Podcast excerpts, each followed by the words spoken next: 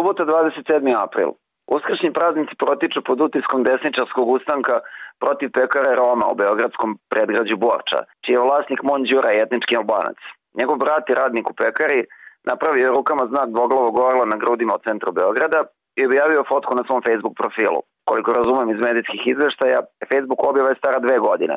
Svejedno, budni čuvari srpskog nacionalnog interesa danas su se promptno okupili ispred pekare da spreče dalju prodaju bureka uz pokliče ubi za kolji da šiptar ne postoji i tome slično. Pre 30 godina desničari su rušili socijalističku Jugoslaviju zbog člana 133 njenog krivičnog zakona, takozvanog verbalnog delikta. Tražili su da slobodno pevaju ovaj Vojvoda Sinđeliću, da ispovedaju religiju, uživaju privatnu svojinu i slobodno tržište i tako to. Danas sledbeništvo te iste desnica maltretira ljude koji ističu nacionalne simbole, provodi uskrs mržnji i blokira privatni posjed i biznis. Policija ih je srećem razjurila. Pekara će ostati zatvorena dok ne prođu uskršnji i promajski praznici, a sa njima i ludilo, možda. Gasim sve aparate na koje stižu vesti. Žao mi je, ne primam nove udarce do ponedeljka. Ponedeljak 29. april. Dobro vesti od ranog jutra. Otkazano je prenodno iseljenje porodice u Rumi, koje je bilo zakazano za sutra u 11.00. Kao i hiljade drugih, Eurobanka ih izbacuje na ulicu jer nemaju da plate kredit indeksirano švajcarcima. Teško je ući u novi dan i novu nedelju na kapitalističkoj periferiji, pa uz prvu kafu dobro dođe prva pomoć za vodljive poluistine. Ružni deo rečenice ostavljam za posle doručka. Utorak 30. april. Jednoj od porodica koje smo kao združena akcija branili od prinudnog iseljenja, sada pomažemo da podnesu krivičnu prijevu i tužbu protiv države za odštetu. Pošto nemamo uslova da organizujemo pravni kontranapad za stotine opljačkanih ljudi koje branimo stojeći pred vratima njihovih domova, pažljivo smo birali slučaj koji, pod jedan, ima najbolje šanse da pobedi na sudu, i po dva, ukoliko pobedi, može biti od pomoći i drugim ljudima u istoj situaciji. Vole bih da nisam bio deo odluke ko od unesrećenih ljudi ima najbolje šanse, ali jesam. Idealno bi bilo da imamo armiju advokata da se po jedan podsveti svakoj nepravdi na koju najđemo, ali sistem nas je naterao da biramo. Posle višemesečnih priprema, danas se napokon sastajemo sa porodicom i advokatima da komentarišemo prvu verziju teksta tužbe. Plodovi današnjeg rada će doći za puno godina, možda i za celu deceniju, verovatno pred Evropskim sudom za ljudska prava. Sami sebi zvučimo blesavo, pravimo nekakav desetogodišnji plan, a živimo i radimo od danas do sutra. Ako nas umeđu vremenu ne potamane klimatske promene ili nuklearni rat, u kakvom će na zdravlju, u kakvim odnosima i u kakvom svetu naći pobeda koje danas nazdravljamo dok veče pada na Vesiću Beograd. Da li će pobeda imati efekt kakav preželjkujemo? Šta će, ako išta, doneti onima koji ostaju bez doma sada, 10 godina pre? Uveče sastanak zložene akcije. Planiramo naredne javne razgovora o različitim segmentima stambene nepravde u Srbiji. Između ostalog, tragaćemo i za rešenjem problema koje muče podstanare. Podstanar sve jedno od najdubljih tabu tema u Srbiji danas. Jednima izvor prihoda na crno, drugima izvor sramote što se nisu snašli u bespućima kapitalizma. Svi odnosi se rešavaju samo i isključivo u usmenom mraku između gazdi i podstanara bez ikakve javne regulacije. Ne pričam na pamet, moja devojka Ana, naših sedam mačaka i ja, baš ovih dana tražimo novi dom pošto nam je stanodavac kod koga živimo već 8 godina da rok da se iselimo do 15. maja. Sreda 1. maj. Prošle godine u Srbiji je 53 radnika poginulo na radnom mestu, najviše za poslednjih 13 godina.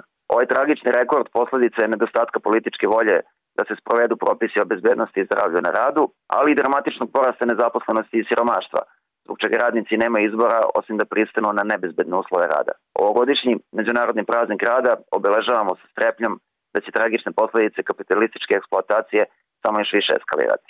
Vlada Srbije priprema dalju eroziju radničkih prava – donošenje zakona o privatnim agencijama za iznajmljivanje radnika koji će smanjiti zarade i još više ugroziti bezbednost na radu.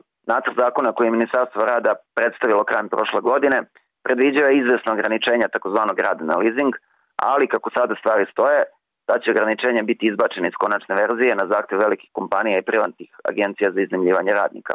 Legalizacijom nekontrolisanog rada na leasing praktično se stavlja van snage i onako loš zakon o radu. Radnici će u buduće odlaziti na posao za još manje nadnice, sa još većim rizikom da li će se sa posla vratiti živi i zdravi. Pre 30 godina radnici i radnice Jugoslavije su odbacili samoupravni socijalizam i pregrlili višepartijski parlamentarizam, očekujući više demokratije. Od višepartijskog sistema su dobili nacionalizam i kapitalizam. Danas su opljačkani, prevareni, osramoćeni i razjedinjeni. Podjednako mrze sve političke partije, demokratiju preziru. Nemaju poverenja ni u jednu institu instituciju sistema koji im je oduzeo izvesnost, snove i životne planove. Većinom žive od danas do sutra, mnogi od doročka do ručka ili gore. Zato ne treba da čudi što se pozivu sindikata na prvomijski protest odazvalo svega par hiljada ljudi. Posle protesta odlazimo na pasulj i druženje u Radnički muzej Trudbenik. Ovo neobična institucija prošle godine pokrenulo nekoliko mladih ljudi nakon što je, zahvaljujući solidarnoj podršci združene akcije Krov nad glavom, osvojećim pokušaj stečenog upravnika Trudbenika da izbaci na ulicu više od 30 porodica bivših radnika i penzionera iz nekadašnjeg radničkog nasilja, koje je posle propasti preduzeća postalo deo stečene mase. Tokom borbe protiv iseljenja, aktivisti i aktivistkinje su se zainteresovali za istoriju ljudi koje brane, a onda i za istoriju nekadašnjeg građevinskog giganta koji je uništen u privatizaciji. Tako su 29. novembra, koji smo nekada zvali Dan Republike, omladinci i omladinki koji ne pamte ni tu Republiku, ni njene gigante, u napuštenom delu nekadašnje trudbenikove radničke kolonije otvorili radnički muzej trudbenik, mesto pamćenja jugoslovenske radničke klase. Umeđu vremena stečajni upravnik je prodao čitavo naselje i baš u oči 1. maja stanarima je stiglo obaveštenje od kupca da se mirno isele do 15. maja ili će u protivnom pokrenuti postupak izvršenja. Ne znam zašto beogradski privatnici baš toliko vole taj 15. maj, ali po svemu sudeći ovog leta ćemo ponovo braniti i stanare i muzej i nastaviti da gradimo druženu akciju Krov nad glavom i radnički muzej Trudbenik, institucija kojima se veruje. Četvrtak 2. maj. Ko nije sa kućim ljubimcima tražio stan u Beogradu, taj ne zna šta je prostakluk. 13 dana do isteka roka, Ana, Macija i ja još uvek nemamo nikako rešenje. Uveče sastanak sekretarijata Socialdemokratske unije. Pitanja na dnevnom redu su tehnička, ali svaki čas krećemo razgovor na temu koja nije na dnevnom redu. Povezivanje levih snaga u Srbiji u zajedničku parlamentarnu borbu. Od kad znam za sebe, levicu u Srbiji bije glas da je usitnjena i posađena. Krajem prošle godine su polako krenuli razgovori i dogovori o zajedničkom delovanju. Radije ne bi da predviđem ishod, idemo korak po korak. Petak 3. maj. Posle uskršnjih i promajskih praznika, pekara Roma danas ponovo kreće sa radom, po prvi put od kako su se desničari blokirali. Aktivisti više levičarskih grupa će se simbolično okupiti oko bureka, jogurta i solidarne podrške. Preživali smo još jednu nedelju na kapitalističkoj periferiji, zaslužili smo dobro jutro i dostojanstven dovočak. Oružan delo stvarnosti ćemo na pun stomak.